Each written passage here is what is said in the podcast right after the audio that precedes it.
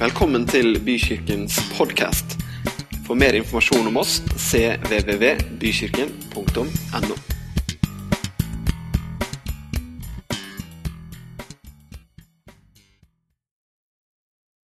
Jeg skal dele noe som eh, ligger meg veldig på hjertet. Og jeg har lyst til å si noe før vi ber sammen. For nå kom, eh, nå kom bildet opp så fort at noen kjente hjertet begynte å slå. Og det var ikke meninga. Nei, men det er helt seriøst. Noen ganger så kan man bli litt sånn sliten av å tenke på alt man skulle vært, og alt man skulle bli, og alt man Ingen som kjenner seg igjen i det?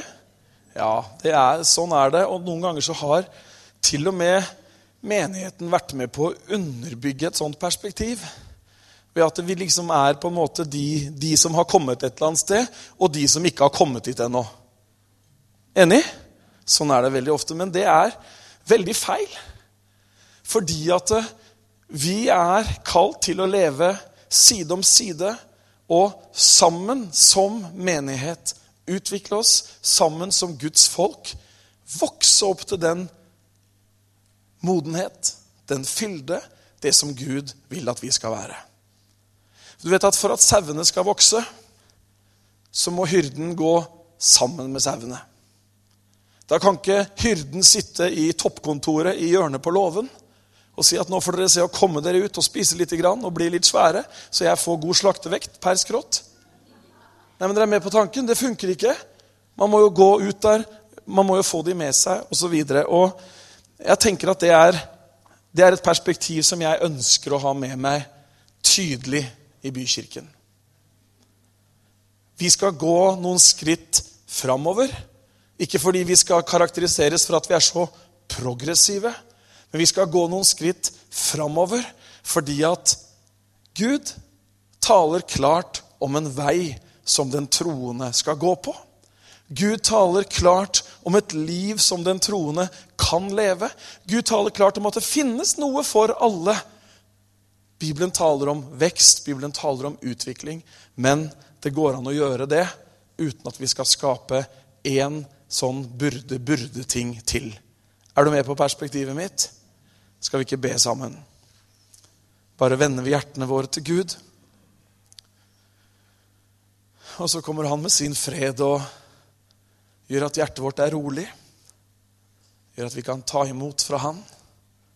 Jeg takker deg for at du er her med ditt nærvær, Herre. Jeg takker deg for at når du samler dine, så vil du at dine skal høre din stemme. Du vil at vi skal få kjenne de hjerteslagene som du har.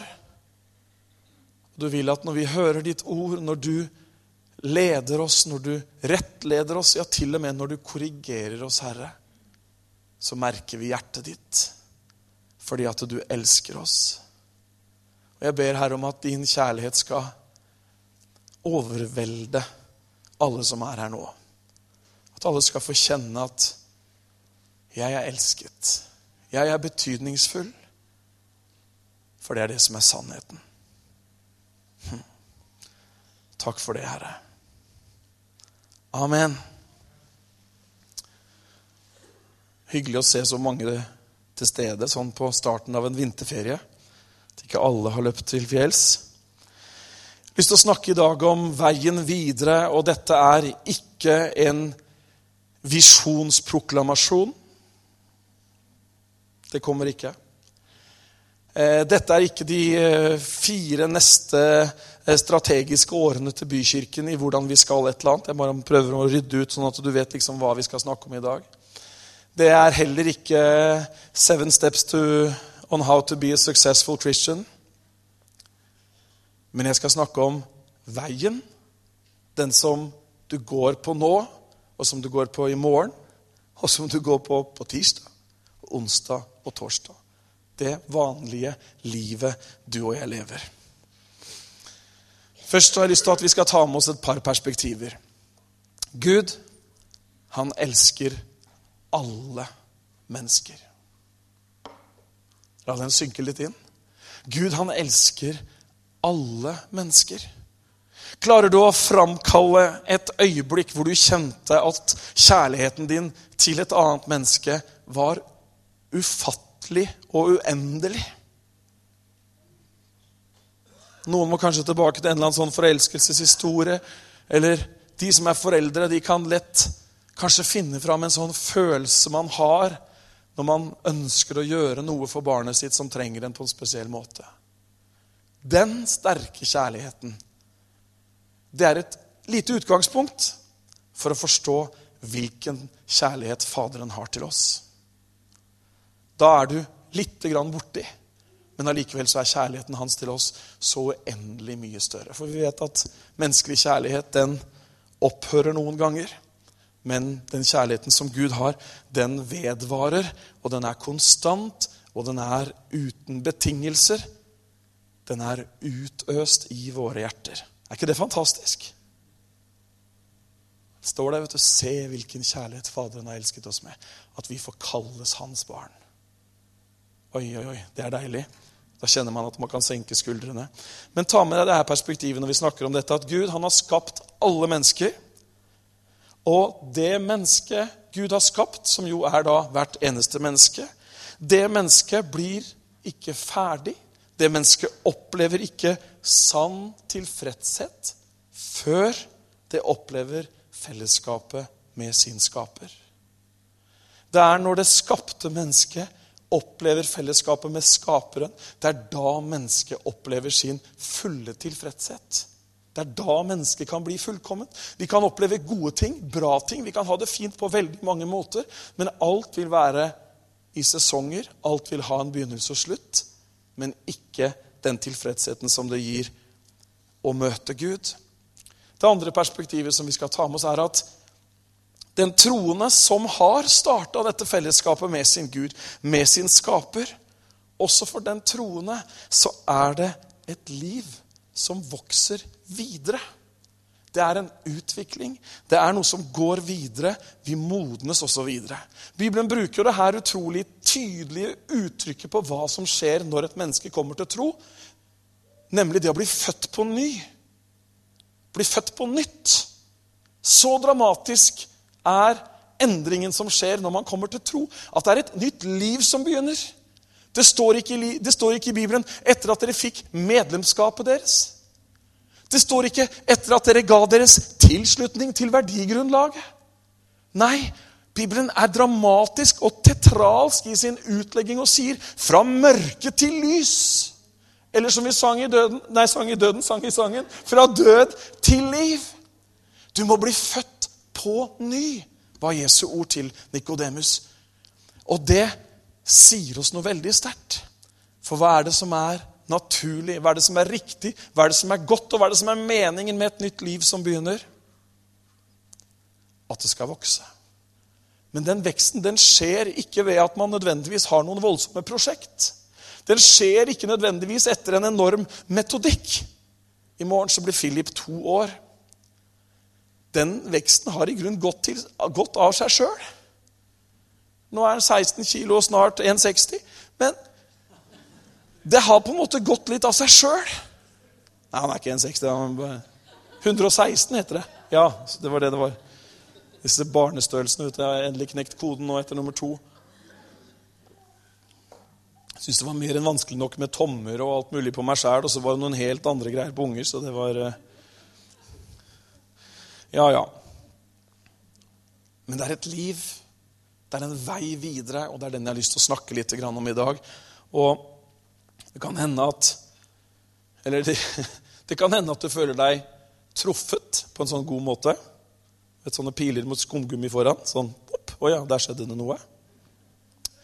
Men det er bare fordi at jeg tror at vi skal få lov til å gå en vei videre. Det finnes nemlig dybder å utforske i Gud. Det finnes rikdommer som vi kan få erfare. Og Gud, han har begynt noe i oss. Og Det syns jeg er helt fantastisk. Eh, imponerende og utrolig stort. Enten du har kommet til tro eller du ikke har kommet til tro, så har Gud begynt noe i deg, og han ønsker å fullføre det. Bibelen sier at han er begynnelsen og enden. Bibelen sier at han er alfa og omega. Det har ingenting med omegasyrer eller noe som helst å gjøre. Det er bare at omega er siste bokstaven i det greske alfabetet, så han er A til omega, som er den siste bokstaven. Så på norsk kan vi si han er Gud er A og Å. Han er A til Å. Det betyr at han er han er alt. Han er den som begynner det, og han er den som sluttfører det. Men mellom Å og A Burde jo egentlig nå tatt det litt pedagogisk og sagt A til Å for dere, den veien dere leser. Så nå har vi snudd på det. Men poenget er at Gud, han er der gjennom hele veien. Og la oss se på det første skriftstedet, Magnus, som jeg har lyst til å vise dere. Paulus skriver til filipperne og det er vers 6 vi skal lese, så sier han Og jeg er helt overbevist om dette. Herlig beskjed å få. Ta det til deg. Jeg er også, samt som Paulus, jeg er helt overbevist om dette. At han som har begynt den gode gjerning i dere, vil fullføre den inntil Jesu Krist i dag. Du har en coach, du har en som heier på deg, du har en far, du har en pappa som har begynt noe i deg, og han vil at du skal fullføre løpet. Det finnes en sånn styrke i det at Gud vil at du skal fullføre løpet. Kanskje ingen andre rundt deg ønsker at du skal fullføre løpet. Kanskje du er en sånn eh, stakkars person som føler deg helt ensom og forlatt av alle. Fortsatt så vil Gud at du skal fullføre løpet. Han har begynt noe i hver eneste en av oss, kjære folkens. Og han står bak med alle sine krefter, og da trenger vi ikke noe flere krefter. Og så ønsker han å fullføre det som han har begynt. Takk for begeistringen. Det var glede å se i forsamlingen. Men det er, du skal få slippe å klappe hvis ikke du vil. Bare du hører hva jeg sier. Gud har begynt noe, og han ønsker å fullføre det i deg. Er det ikke deilig da, at noe blir fullført? Er det ikke deilig at noe skal bli ferdig? En av de beste ferdigfølelsene jeg har hatt i mitt liv, det er når jeg har levert en eksamen. Oh, husker fortsatt følelsen da jeg gikk liksom ut av området til den gangen Tønsberg gymnas og var ferdig med videregående. Kjære Gud, det var nesten jeg gikk rett opp. Nydelig, det var ferdig, det var bestått, til og med. Det er deilig når noe er ferdig. Eller når noe får et eller annet sånt autorisasjonsstempel. Approved. Det er ferdig, det er fullført, det er fantastisk, det er bestått. Men av og til så er det å få noe ferdig også en vanvittig utfordring. For noen år siden så solgte vi huset vårt i Lillestrøm. Og da kom jo megler og fortalte for å si det sånn, alt jeg hadde glemt å gjøre. Det kom han og minna meg på. Gjøre sånn der og litt sånn der. Og vi syntes det var ganske fint. Vi hadde stort sett pussa opp alt mulig der. Men det var en og annen liten ting som mangla. Sånn er det sikkert ikke hos deg, men hos oss så var det en skjøt som ikke var fuga, og det var en skrue som ikke, et skruehull som ikke var sparkla igjen, og det var til og med en vegg som ikke var malt. Nei, ikke, sånn fins ikke hos deg, men sånn var det hos oss. Og, du vet at eh, jeg flikka og spikka og polerte og ordna. Så det huset det ble jo helt vanvittig, så jeg tok meg et par privatvisninger. Vurderte å legge inn bud også. Det ble utrolig bra. Det ble jo så fint når det ble ferdig. Og jeg sørga for å hvert fall ta tre sånne flotte salgsoppgaver. For der, de kjente ikke igjen det huset som var i salgsoppgavene. Det var helt nydelig. Jeg vet ikke om de bildene var redigert, eller noe, men det var i hvert fall utrolig fullført. Det var utrolig bra til slutt. Og Jeg husker jeg sa til Julia Tenk, her, her har vi bodd, sa jeg. Du verden! Det var ingen som sa at det hadde vært tre uker med å bære ut ting og rydde bort ting. og alt mulig, liksom. Men det lønte seg å gjøre som han sa, da, for huset det var solgt sånn eh, så fort det var lov til å kjøpe det. kan du si. Så det var veldig bra. Men, men du vet, vi blir ofte litt vant til hvordan det er, vi. Ikke sant? Den ledningen har jo slengt bak den døra veldig lenge. Nå snakker jeg ut fra et bilde jeg har i hodet av huset der hvor vi bor nå. Og den tingen der skulle jeg jo bare ha gjort. Og Man blir så vant til det. vet du. Til slutt så ser man verken at veggen har feil farge, eller at gulvet er slitt. Man bare liksom venner seg sånn gradvis til det, med på tanken. Eller når vi dere, noen, Skal vi lukke øynene og bekjenne? Hvem ser på Sinnasnekkeren her? Ja, det var noen. Sitter der i sofaen, du, du, du har mange ting du burde ha gjort. Men du sitter og ser på noen andre og tenker Er det mulig? Altså, jeg mener, går dette an? Noen som har vært der? Du, du kan glatt ta en time og se på Sinnasnekkeren istedenfor å feste den ledningen. Ja, nå fikk du et tips.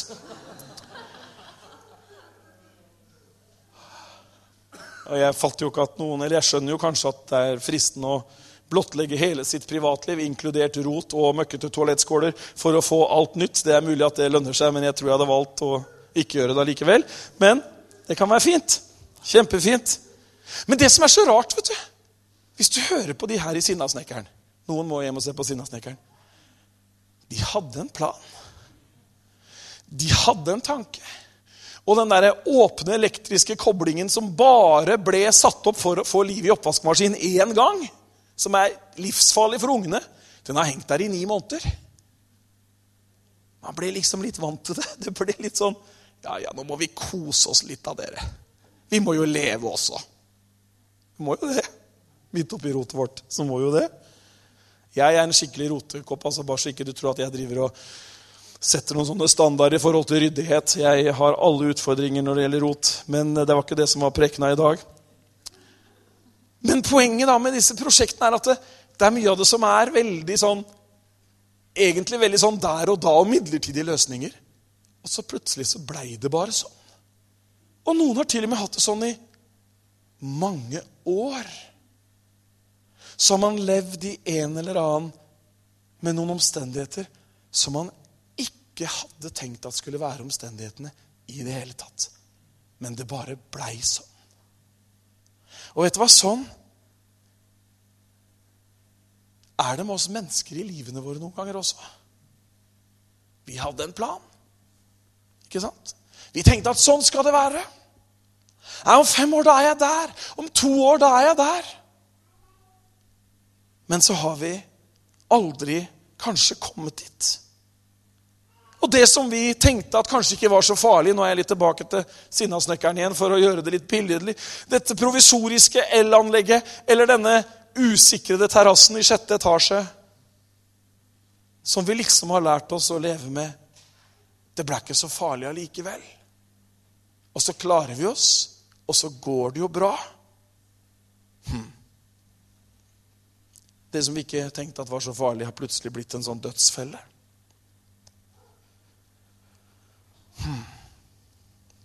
Ja, hva skal vi gjøre da, Bent Ove? Hva er veien videre? Skal vi ha sånn felles dugnader hos alle i menigheten? Kan du starte hos meg? eller, skal, eller skal vi ta oss litt sammen? Ta oss litt sånn skikkelig sammen? Det har alle deltakerne i Sinnasnekkeren gjort, hvis de snakker sant på TV. De har prøvd med ukeplaner og tidsskjemaer, og de har tenkt nei, nå passer jeg unger, og så jobber du. de har prøvd alle tingene. Og vet du hva som også er felles for dem? Dette høres ut som en lang reklame for Sinnasnekkeren, men det er veldig mye bra der. skjønner du. Det som er felles for hele gjengen, vet du hva det er? At livet deres holder på å gå i stykker. Samboerskapet, ekteskapet, husprosjektet, det er, det er på bristepunktet veldig mange ganger. Det er liksom Hvis ikke du hjelper oss, Otto, I'm gone. Det er spesielt hustruene som er litt der. Og livet vårt, enten du liker det eller ikke, så er livet vårt mye, mye skjørere enn det du og jeg liker å tro. Vi kan fremstå som sterke. Vi kan fremstå som å ha alt på stell. Og det skal jammen ikke mye til før ting vipper over til den ene eller den andre sida. Livet kan slåss kraftige sprekker. Da tenker jeg det er så viktig at når vi snakker om veien videre, når vi snakker om det livet vi skal leve At vi tenker det at eh, å rigge livet sitt på en sånn måte at man får tid til det som virkelig betyr noe. Det tenker jeg er utrolig viktig. Vi kunne hatt mestringskurs i hvordan vi skulle håndtere tidsklemma. Vi kunne hatt hvordan skal du organisere en mer effektiv hverdag, og hvordan kan du kjøpe deg fri fra dagliglivets sysler osv. Og, det ene og det andre. Men i bunn og grunn så handler det om at vi må rigge livene våre sånn at vi får tid til det som virkelig betyr noe. Tar du en liten oppgave sånn på strak arm? Den er veldig enkel. Men kan ikke du tenke på nå noen sekunder? Hvis du hjelper deg å lukke øynene når du tenker, så kan du gjøre det. Men tenk på to eller tre ting. Kanskje først to. Også hvis du ikke får plass, til, plass, plass der, så ta tre. Tenk på to eller tre ting i livet ditt som virkelig på dypet betyr noe for deg.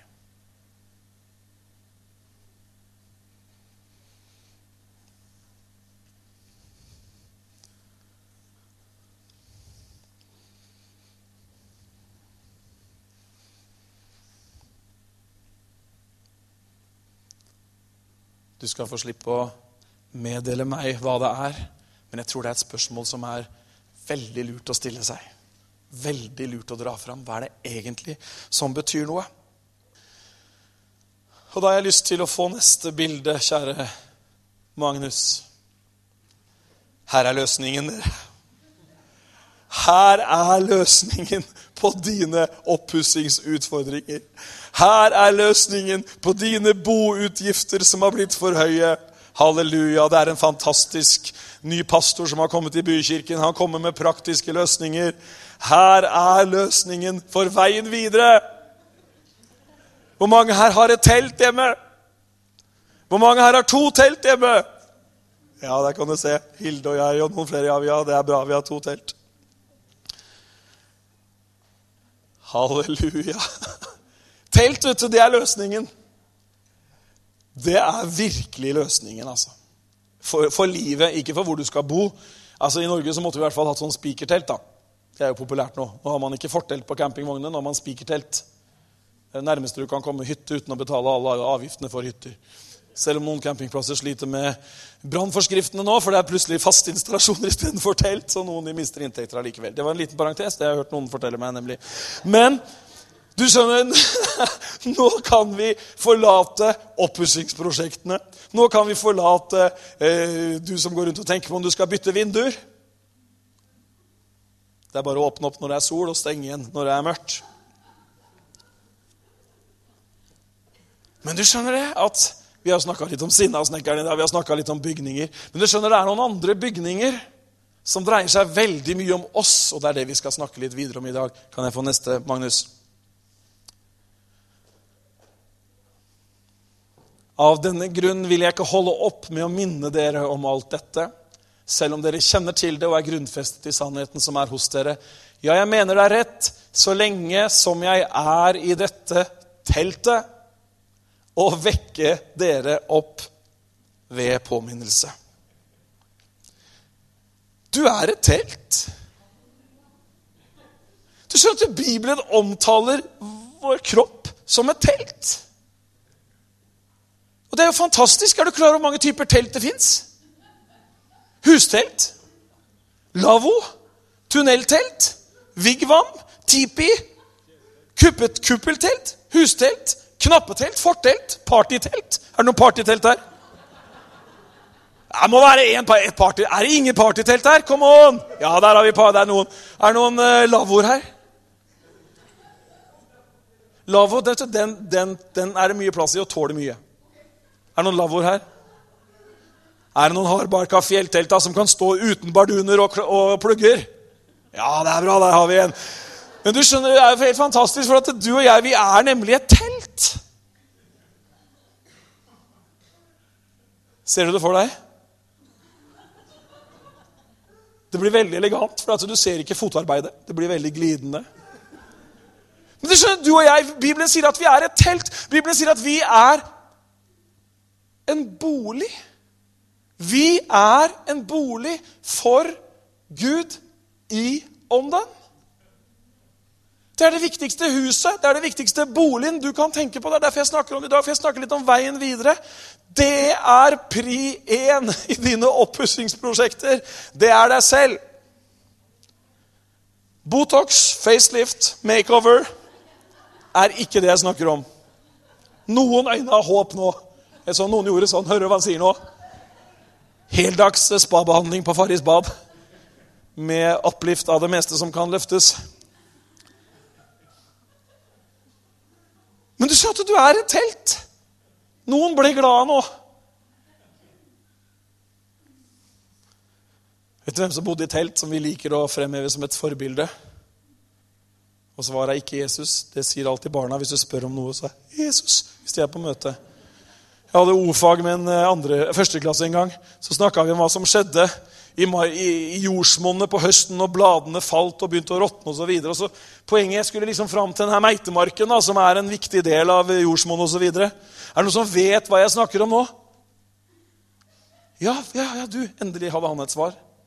Det er Jesus. Ja, Det er på en måte han som hjelper litt til også, men eh, det var meitemarken som var tema. Men du skjønner at det, En som vi liker å se på som et forbilde, troens far, Abraham. Vet du hva han bodde i telt? Hva er det egentlig med telt som er så bra bilde på, på oss, siden Bibelen bruker det? Hvorfor, hvorfor står det ikke 'så lenge jeg er i denne hulen'? Hvorfor Paulus kunne sagt det? Så lenge jeg er i denne hulen, så må jeg minne dere på dette. Eller vi vet om at selv om vår hule forgår, så har vi et liv der i evigheten. Det står ikke, det står ikke hus, står ikke, står ikke hus heller, men det står telt. Det som er fint med telt, vet du, er at du kan sette det opp. Og så kan du ta det ned og så kan du flytte det. Jeg prøvde meg på teltferie i år. Det var en sann suksess, Camilla. Du var jo med, du òg. Vi starta ut litt sånn ambisiøst. Tåler du en hverdagshistorie? Jeg har kjempegod tid, skjønner du, så jeg må fylle helt. Jeg har ikke så mange, ikke så mange punkter til. Jo da, jeg har det. Men det var noen som fortalte meg, og dette visste kanskje alle andre, men det var noen som fortalte meg at på Torgersøya, der er det en campingplass, der kan du sette opp teltet ditt. Og for 1000 kroner så kan teltet stå hele sesongen. Og jeg tenkte dette blir jo tidenes feriebudsjett. Torgersøya, Det, det fins jo ikke noe mer fortryllende enn Torgersøya. Og jeg lurte med meg Stian og Camilla. tror til og med de kjøpte telt, for de skulle være med på telttur. Og vi, og vi dro ut Jeg dro ut på sånn rekognisering og snakka med han oppe i bua der. Og han hadde jeg gått på ungdomsskolen sammen med, så han skulle i hvert fall passe på teltet mitt. Og og for noen få skarve kroner så betalte jeg for en hel uke. Jeg tenkte vi kan jo ta en uke først, og så ser vi. Det var ikke mange hundre kroner. 50 kroner dagen. Det er 350 kroner for en uke. Og det var kjempefint plass fikk vi, og satt opp dette teltet. Og neste dag så dro vi ut med båten og skulle bo i dette teltet. Det var da Emily spurte når vi la oss. Unger er veldig konkrete, vet du.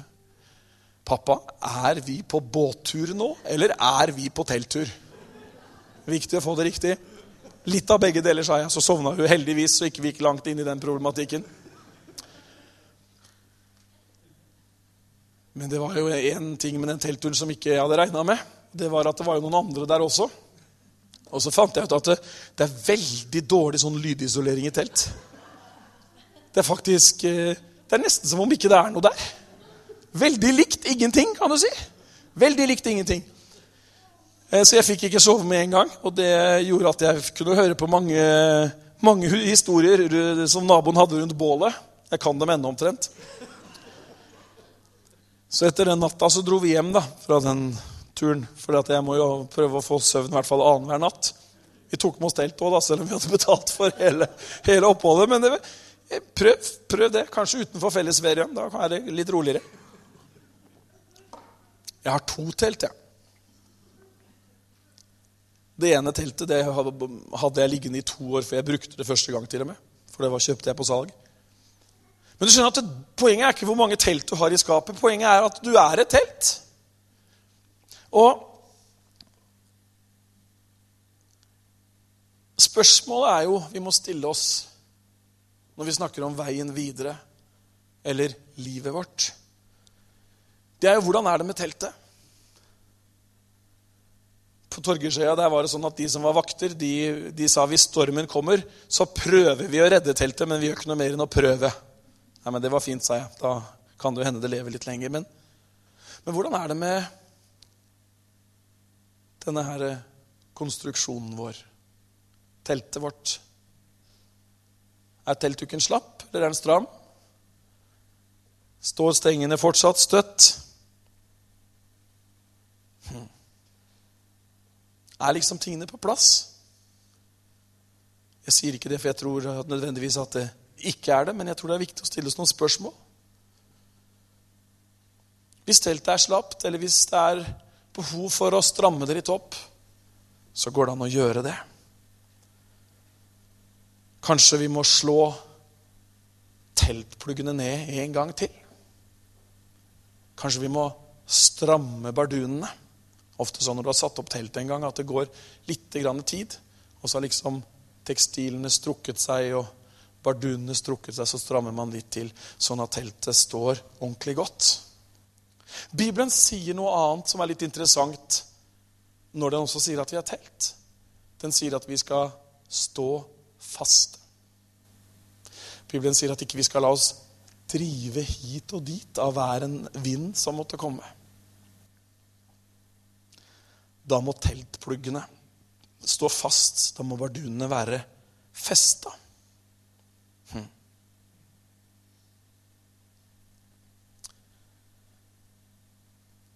En ting med telt som jeg syns er litt interessant, er den der benevnelsene på hvor mange som kan bo i et telt. Jeg har et tremannstelt. Og jeg aner ikke hvilken klode det teltet er laget på. Det er i hvert fall ikke plass til tre av meg der inni der.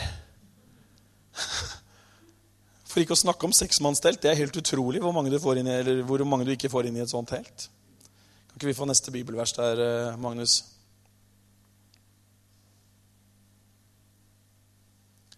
Dere korintere, vi har talt åpent ut til dere, og våre hjerter er vi åpne.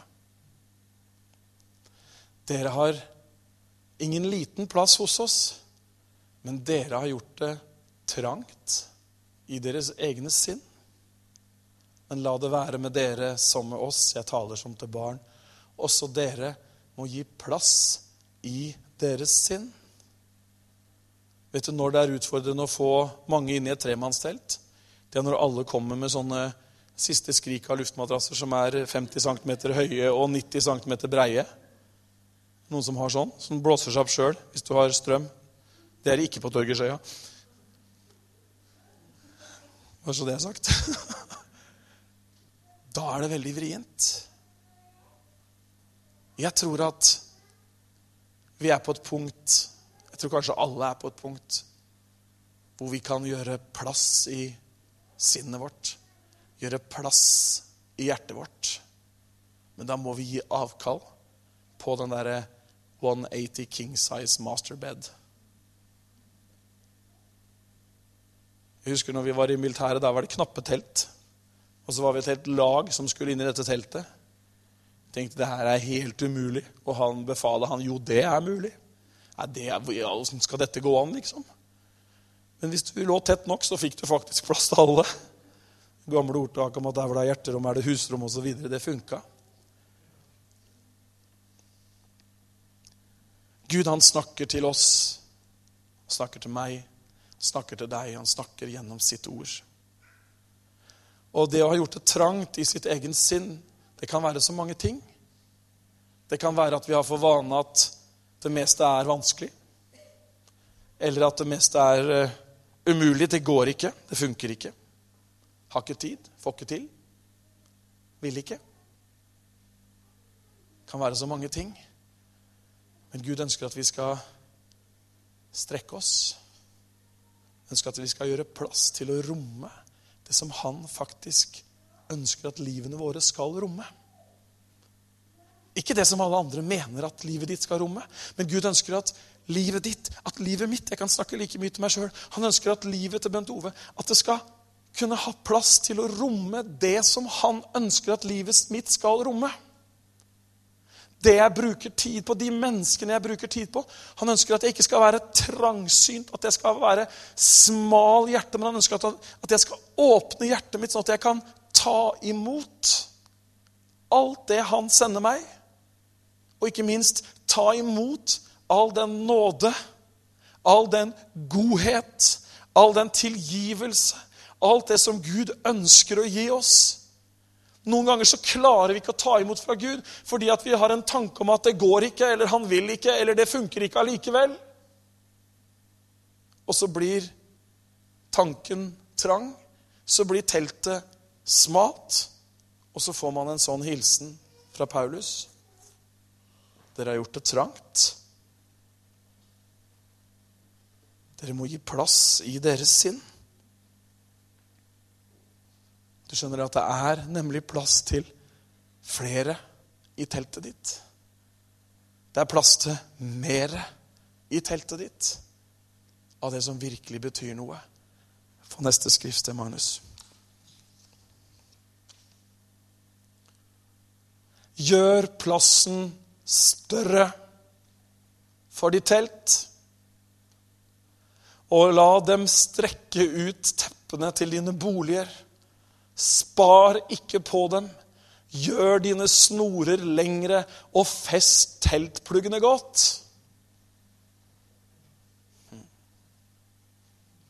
For de som dette ble skrevet til, så betydde det kanskje enda mer konkret enn det det gjør for oss. Vi måtte jo ha historien om Torgersøya og alle de andre for å skjønne hva det var snakk om. Men for disse menneskene som hørte dette her, så var det faktisk Det var telt de bodde i. Det var tepper de brukte. Det var det som var deler mellom rommet til de innerste og de ytterste osv. Men så kan et telt bli veldig lite når alt blir slapt, men så kan det romme enormt. Og så kan et telt være fantast, en fantastisk beskyttelse mot vær og vind. Bare det sitter fast. Har du noen gang vært på vidda, og det har blåst litt, og det har vært iskaldt? Forskjellen på å være på utsiden av teltet og på innsiden av teltet er helt enorm. Et telt kan også være en beskyttelse for innsyn fra andre. De som prata høyt der ute på Torgersøya, de så meg ikke, men jeg hørte dem, og de hadde hørt meg sikkert òg. Men hvordan er det med ditt og mitt liv i form av teltet vårt, i form av der hvor vi er?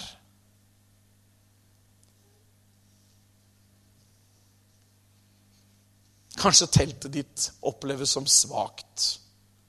Du henger med på bildet, håper jeg. Kanskje livet ditt eller din historie.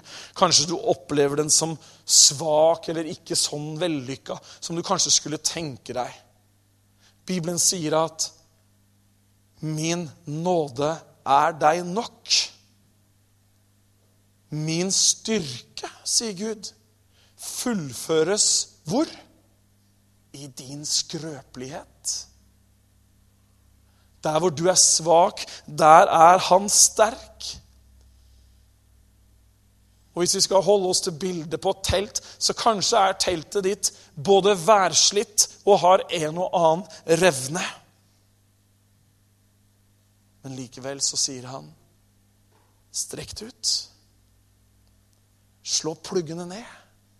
Hold stanga oppe. For jeg er ditt vern. Jeg er ditt skjold og la teltet ditt fylles med fred og glede. Amen. Gud sier til oss,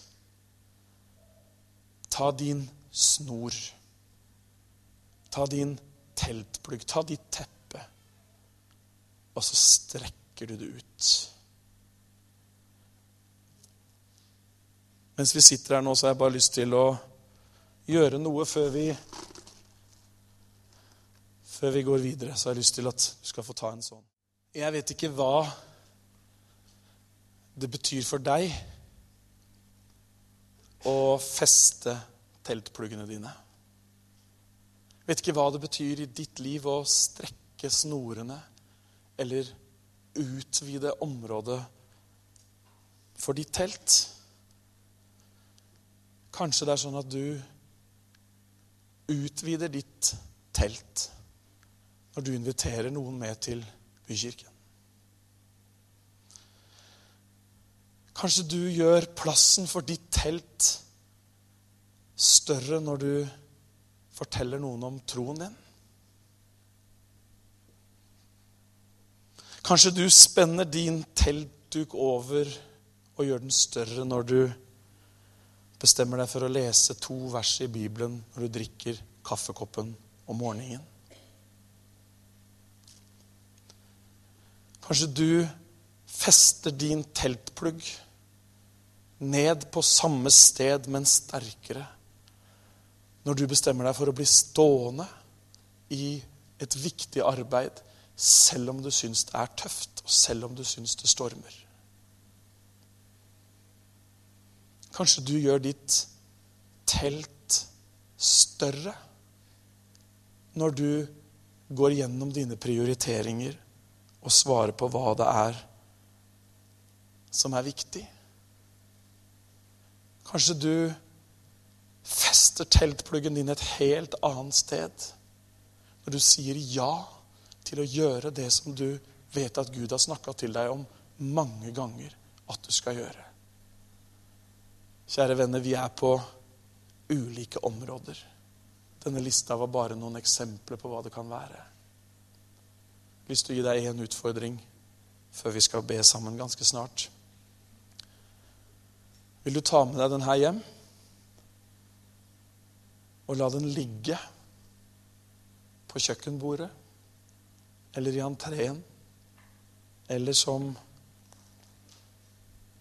bokmerke i Bibelen?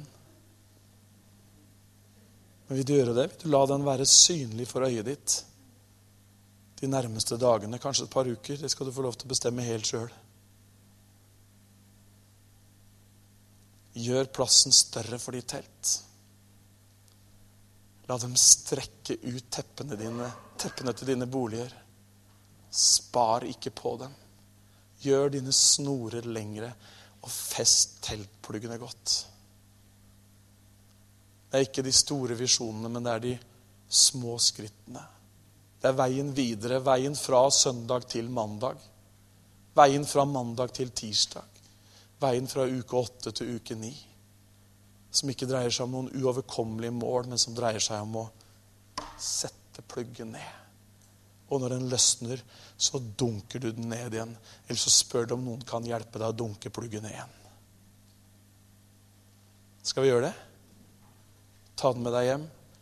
Hvis du, her, hvis du, er her og tenker at han eller hun hjemme burde ta med en, så er det også flere her.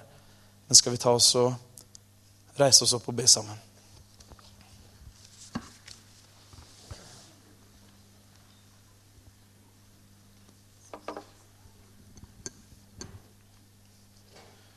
Bare være litt stille sammen for Gud.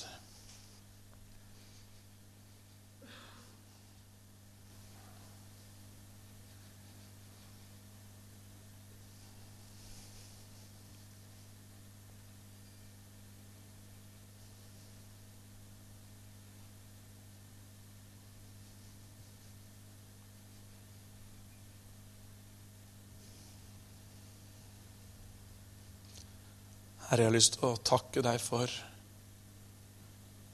at du har skapt hver og en av oss for at vi skal være den som vi er akkurat nå.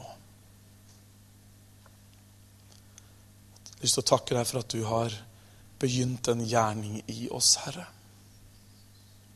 Om det er for kort tid siden, eller om det er for lang tid siden, så frelste du oss ved din nåde.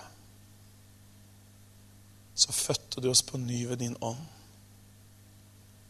Og så gjorde du oss ikke fremmede lenger, men vi ble dine. Herre, jeg vil takke deg og ære deg for ditt fantastiske verk i hver eneste en av oss som utgjør denne menigheten.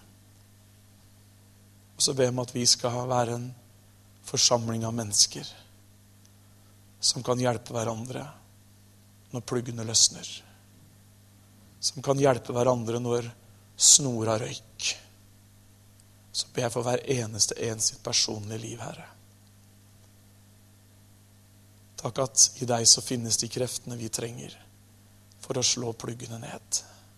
For å feste snorene og for å strekke ut duken.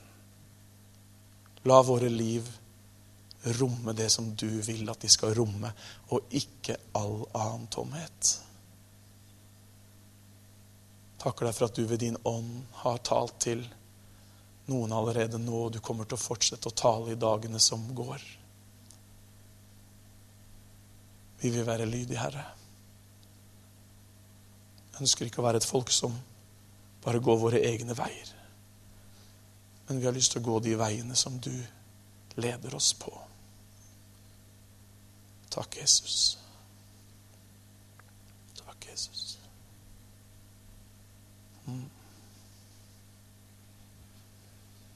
Ære ditt navn, far. Vi ærer ditt navn. Amen. Kan vi bare bli stående, og så skal vi synge sammen?